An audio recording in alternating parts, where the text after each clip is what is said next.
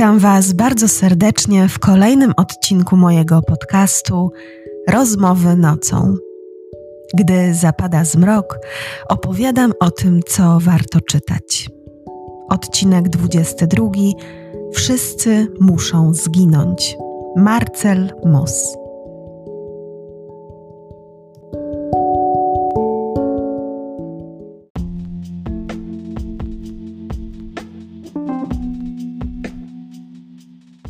Marcel Moss jest takim pisarzem, który bardzo mocno e, oddziałuje na emocje czytelnika. E, wydarzenia, których jesteśmy świadkiem i postacie wykreowane przez pisarza sprawiają, że czytając cały czas nasze emocje są e, na takim wysokim pułapie. Tutaj jakby nie ma tego punktu kulminacyjnego i punktów takich pobocznych, tylko mam wrażenie, że cały czas jesteśmy trzymani w takiej bardzo dużej niepewności i z niecierpliwością e, czekamy, e, co kryje się za rogiem kolejnej akcji, kolejnego wydarzenia. I tak jest w każdej jego powieści. Ta każda powieść wciąga nas do środka i każda oferuje nam bardzo dużo takich przemyśleń, wniosków, takich momentów, które nie do końca może są nawet przyjemne, ale bardzo potrzebne. I dlatego ja jestem olbrzymią fanką twórczości tego pisarza i z każdą kolejną e, książką jeszcze bardziej przekonuję się e, do jego pióra.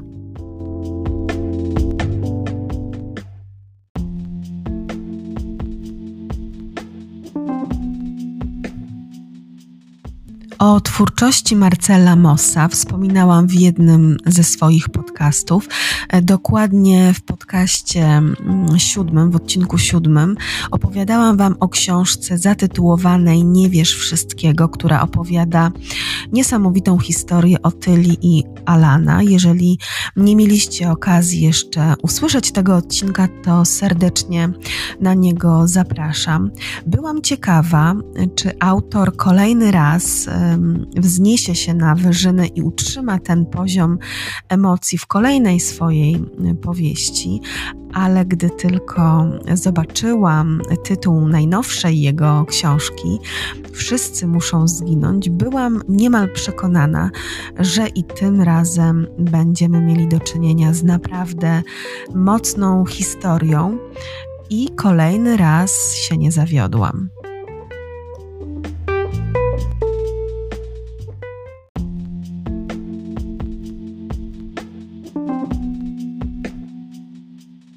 Nie wiem, czy wiecie, ale Marcel Moss jest to mm, pseudonim tajemniczego autora profilu Zwierzenie. Ten profil swego czasu cieszył się olbrzymią e, popularnością i dzięki niemu autor e, dowiedział się o wielu ciekawych e, przeżyciach internautów. Nie jestem w stanie polecić Wam jednej z jego książek, określić, która była najlepsza, dlatego że każda oferuje coś innego i każda jest na swój sposób genialna. Ale jeżeli nie czytaliście żadnej z jego opowieści, to macie szerokie pole do popisu. Polecam e, między innymi tę książkę Nie wiesz wszystkiego, a także takie tytuły jak Pokaż mi, nie odpisuj, nie patrz, nie krzycz oraz najnowszą książkę, o której mm, teraz będę Wam e, mówić, zatytułowaną Wszyscy muszą zginąć.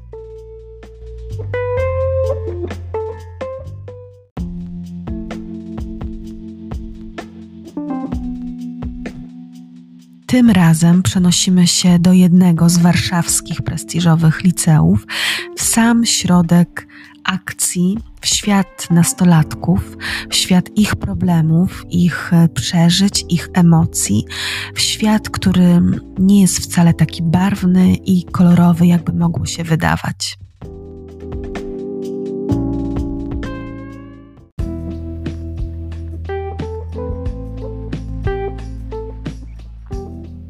Jest grudzień, Atmosfera świąteczna udziela się niemalże wszystkim.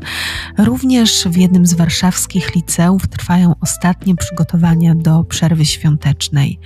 Uczniowie szykują się rankiem, zabierają przygotowane przez siebie potrawy i udają się do wielkiej auli, gdzie najpierw przemówienie ma wygłosić dyrektor, a potem mają udać się do swoich y, klas, w których spędzą mile czas w swoim klasowym gronie wraz z wychowawcą, podzielą się opłatkiem i zjedzą przygotowane przez siebie potrawy. Liceum jest prestiżowe. Chodzą tutaj najlepsi uczniowie. Wszyscy dumnie prezentują wizerunek tego liceum, ale nikt nie wie, że ten dzień wigilijny na zawsze zapadnie w pamięci nie tylko uczniów, ale i całego miasta.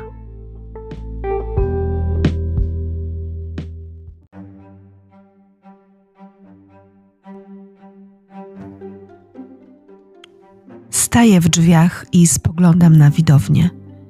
Pierwszy rząd zajmują znani mi nauczyciele, w tym matematyk Artur Zawada i WF-ista Grzegorz Wrona, który cudem zachował posadę po tym, jak do uruchomionej przez jedną z nauczycielek skrzynki zwierzeń trafiły zażalenia pod jego adresem.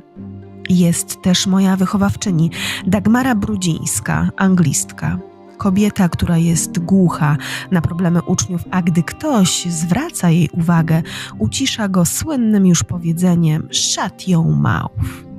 Tuż za nią siedzi moja koleżanka z klasy, Patrycja Miszczuk. Wiele razy próbowała się do mnie zbliżyć, ale mój cholerny introwertyzm nigdy nie pozwalał mi się przed nią otworzyć.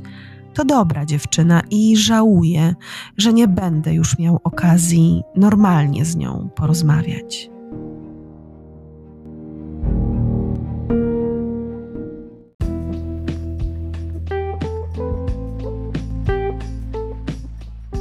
Do szkoły rankiem wybiera się również Błażej, syn znanego biznesmena i filantropa. Budzi się tego dnia wyjątkowo wypoczęty, spokojny. Czuje, że wreszcie uda mu się zrealizować jego misję. Coś, o czym myślał miesiącami, coś, co było w jego głowie już od dawna. Dzisiaj będzie właśnie ten dzień. Szykuje się nie w pośpiechu, wręcz z namaszczeniem, wkłada najlepsze ubrania i zabiera sałatkę przygotowaną przez mamę.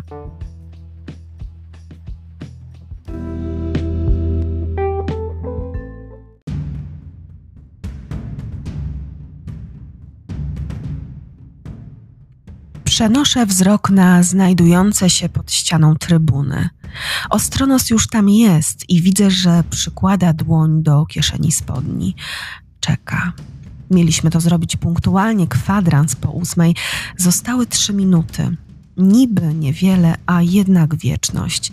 Jeśli ktoś teraz wyjdzie z za zakrętu i zauważy leżące na podłodze ciała, będę miał nie trzy minuty, tylko trzy sekundy na podjęcie decyzji albo wrzucę granat w tłum, czym zaskoczę moich towarzyszy i narażę operację na szwank, albo poczekam i zastrzelę świadków.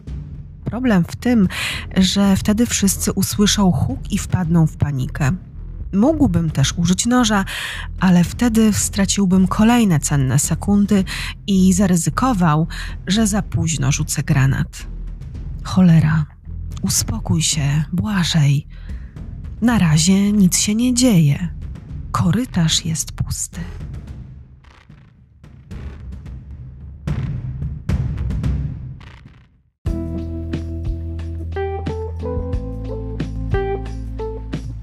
Atmosfera w szkole nie zapowiada niczego złego. Uczniowie w swoim kręgu rozmawiają, uśmiechają się, czekają w zniecierpliwieniu, aż dyrektor skończy przemówienie. Jedna chwila burzy wszystko. Zewsząd wybuchają ładunki wybuchowe. Słychać odgłosy jęków, rozpaczy, krzyki i wszędzie widać krew, mnóstwo świeżej krwi.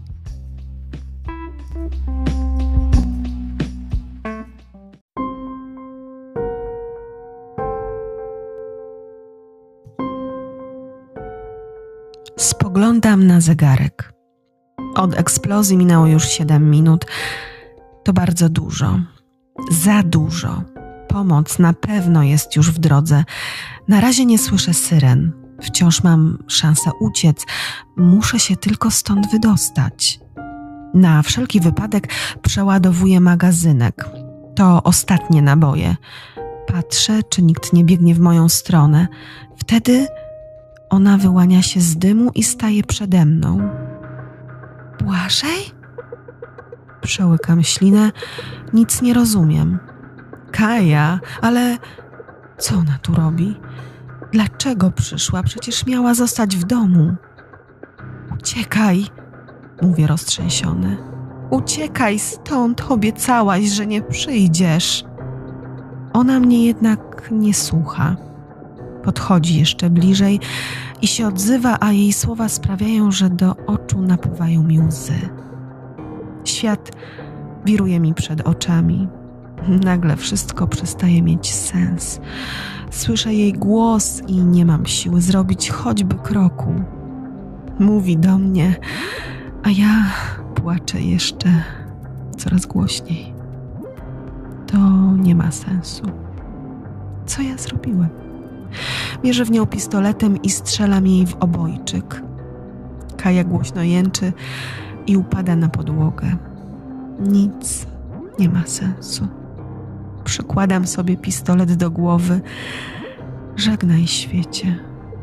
Nie planowałem się z tobą rozstawać, ale nie mam wyjścia. Biorę głęboki wdech i zamykam oczy. A potem naciskam spust.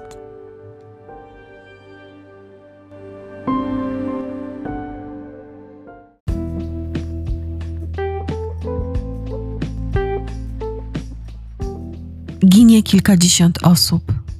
Ginie również Błażej, który popełnia samobójstwo. Ale jest on również jednym z napastników, jedną z osób, która przygotowała cały ten napad, która była sprawcą tej masakry. Przeżywa natomiast Kaja, Kaja, która była przyjaciółką Błażeja. Kaja, którą Błażej uratował. Dlaczego? Dlaczego Kaja przeżyła i czy ma coś wspólnego z całą tą sprawą?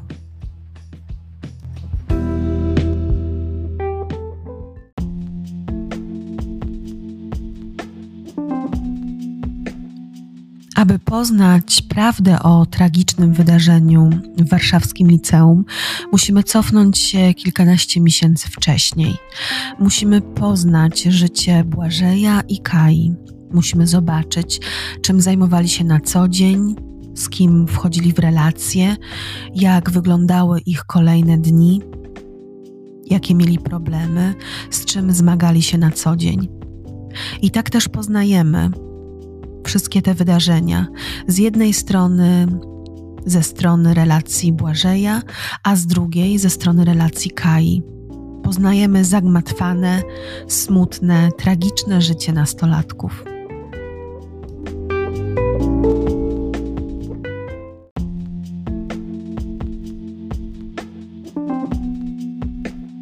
To jest taka opowieść, która porusza bardzo dużo współczesnych problemów nastolatek. Mam wrażenie, że tutaj autor umieścił wszystkie możliwe mm, te problemy, które nagromadziły się w ostatnich miesiącach bardzo, bardzo mocno. E, jest tutaj dużo takich spraw społecznych, podwójna moralność, e, sprawy seksualności nastolatków, ich zagubienie, pogoń za akceptacją grupy, za akceptacją samego siebie, pewne zaburzenia osobowości, e, zaburzenia mm, takie skrajne, mm, zaburzenia w relacjach z grupą rówieśniczą, kryzys rodziny, przemoc zamknięta w czterech ścianach, taka moralność troszkę pani Dulskiej i wreszcie uzależnienie od świata cyfrowego, od tego świata, który staje się ostatnio takim drugim jakby zamiennikiem świata e, realnego, e, a także zagrożenie ze strony zamknięcia się w takich właśnie wirtualnych grupach, e, tworzenie takich grup e, zamkniętych, które mm, sprawiają, że zmieniamy swoje poglądy, poglądy i swoją moralność, stajemy się bardziej otwarci na rzeczy, których nigdy byśmy w życiu realnym nie mogli zrobić, a nagle pod wpływem danych grup, danych mm, poglądów innych osób, silniejszych od nas, wydaje nam się, że mm, jesteśmy przekonani do zrobienia rzeczy tak naprawdę okrutnych.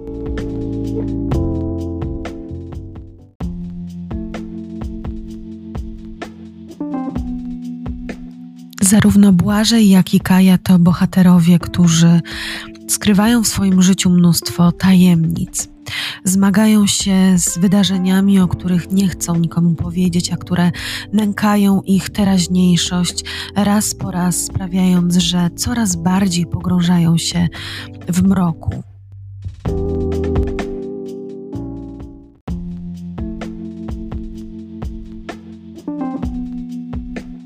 Tym razem fabuła jest bardzo skomplikowana, ale relacje pomiędzy poszczególnymi bohaterami bardzo się tutaj zazębiają i sprawiają, że jakiekolwiek odsłonięcie jednego wydarzenia spowodowałoby odkrycie wszystkich kart tej fabuły, czego oczywiście e, chcę uniknąć, by nie popsuć Wam tej przyjemności dowiadywania się po kolei, jak te wydarzenia się układały.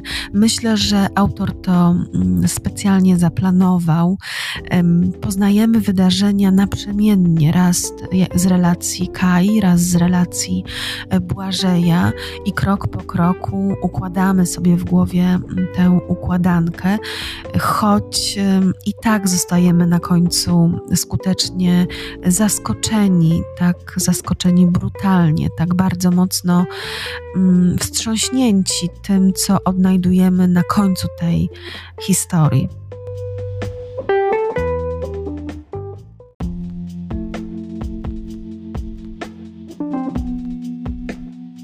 To jest taka powieść, która jest nie tylko powieścią rozrywkową, to nie jest tylko historia o pewnej dziewczynie nastoletniej, pewnym chłopaku, ich problemach i pewnych wydarzeniach, które w konsekwencji zaprowadziły ich tam, a, a nie gdzie indziej. To jest taka książka, która obnaża rzeczywistość w sposób bardzo brutalny i okrutny i pokazuje wszystkie problemy, których jesteśmy tutaj świadkami w taki sposób bardzo wręcz namacalny. To tak jakbyśmy troszkę naszą rzeczywistość przystawili do lustra i czytając tę powieść w tym lustrze dostrzegamy wszystkie te mroczne zakamarki, te brudne rzeczy, te rysy, które gdzieś tam się przez pewien czas nagromadziły, a które są niewygodne, które chcielibyśmy czymś zakryć, tylko nie za bardzo wiemy czym. Czytając tę książkę, czułam się dość przytłoczona, przytłoczona tą rzeczywistością taką smutną i tą rzeczywistością, która w dużym stopniu, chyba w największym stopniu, dotyka właśnie nastolatków, tych młodych ludzi, którzy nie potrafią się odnaleźć w tej dziwnej, współczesnej, często absurdalnej rzeczywistości, w jakiej aktualnie żyjemy.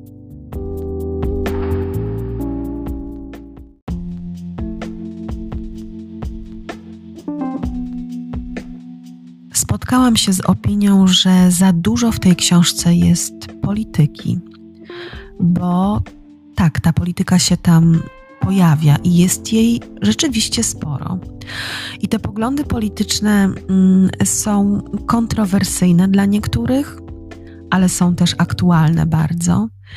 I myślę, że ten zabieg mm, właśnie wplecenia tej polityki jest zabiegiem bardzo udanym bo polityka bardzo dzisiaj również dotyka młodych ludzi. Dotyka bardzo młodych ludzi, którzy dopiero zaczynają kształtować swoje poglądy na świat. i może im zrobić bardzo wiele złego, może ich bardzo dotknąć do żywego. A młodzi zbuntowani y, ludzie mm, mają trochę inne wyobrażenie rzeczywistości. Do wszystkiego podchodzą z większym zaangażowaniem, z większą mm, z większym buntem, z większą energią niż dojrzały, ustatkowany człowiek.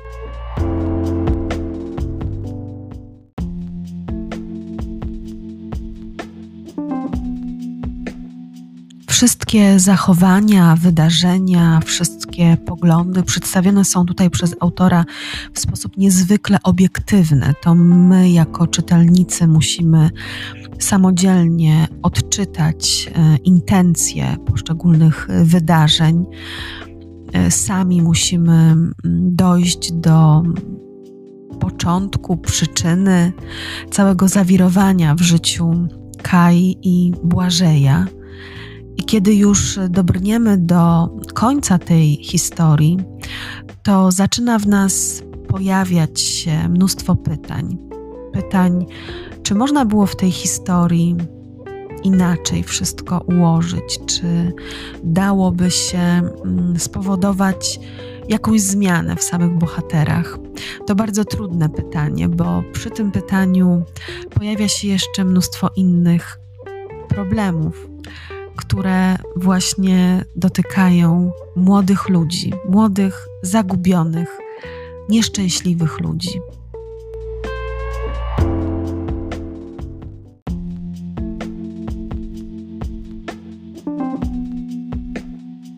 Bardzo bym chciała, żeby ta książka trafiła właśnie do młodego czytelnika. Myślę, że byłaby to świetna lektura do omówienia na lekcjach na lekcjach w liceum. I myślę, że bardzo wiele wzbudziłaby i kontrowersji, i różnych takich bardzo ognistych y, dyskusji właśnie wśród młodzieży. I mogłaby być też przyczynkiem do przeprowadzenia różnych rozmów niezwykle istotnych, o których młody człowiek często nie chce rozmawiać.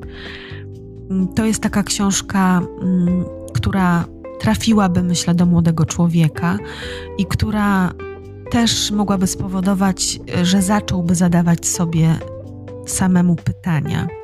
Dlatego, jeśli macie w swoim otoczeniu bardzo młode osoby, to zachęcam do sięgnięcia po tę lekturę, do zachęcenia tych osób, aby poznały historię Błażeja i Kai, i samodzielnie zatknęły się z ich problemami.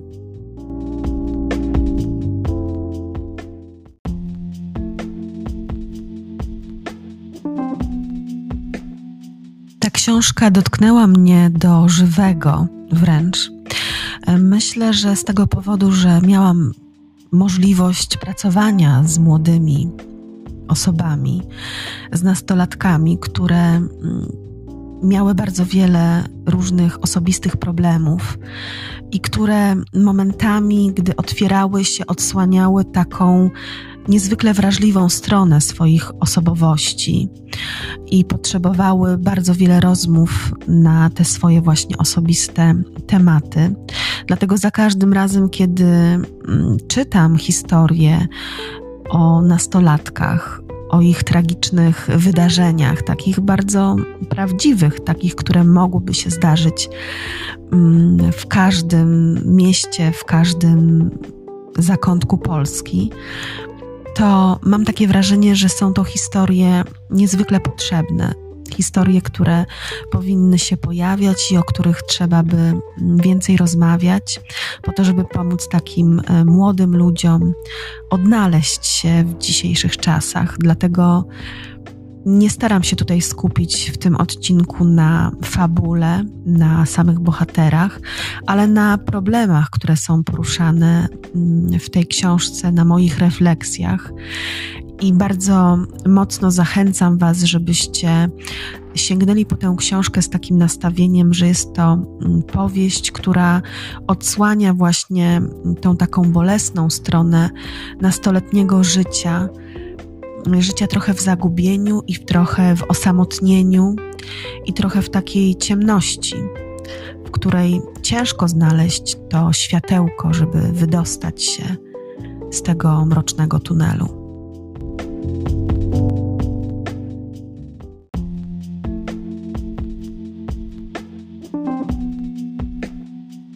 Co takiego musiało zdarzyć się w życiu Błażeja, że postanowił wziąć udział w napadzie na swoich kolegów, na swoje koleżanki, że postanowił pozbawić życia tyle osób, by w konsekwencji na końcu również zabić samego siebie?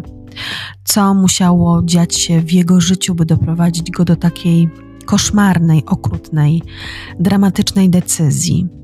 Jak potoczyły się losy dwójki przyjaciół, Kai i Błażeja, dlaczego ich drogi się rozeszły. Aby dowiedzieć się, co kryje się na końcu tej mrocznej, krętej ścieżki, musicie sięgnąć po książkę Marcela Mossa Wszyscy muszą zginąć. Książka ukazała się w tym roku, w lutym, nakładem wydawnictwa Filia Mroczna Strona.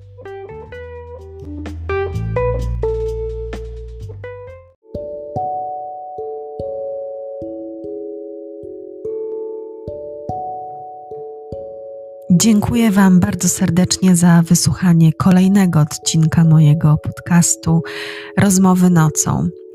To był, przyznacie, taki troszkę inny odcinek, troszkę smutniejszy, troszkę taki bardziej emocjonalny. Zresztą jak każda książka Marcella Mossa. Jego powieści to taki za każdym razem roller coaster emocjonalny te historie wybuchają w naszych głowach jak e, petardy.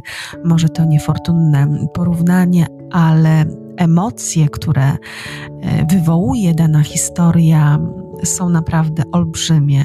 Gorąco zachęcam Was do przeczytania nie tylko tej książki najnowszej.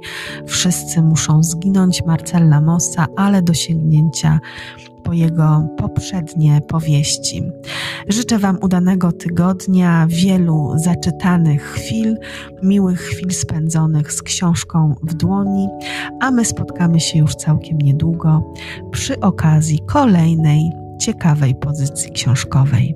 Mam nadzieję, że miło spędziliście ze mną czas. Do usłyszenia.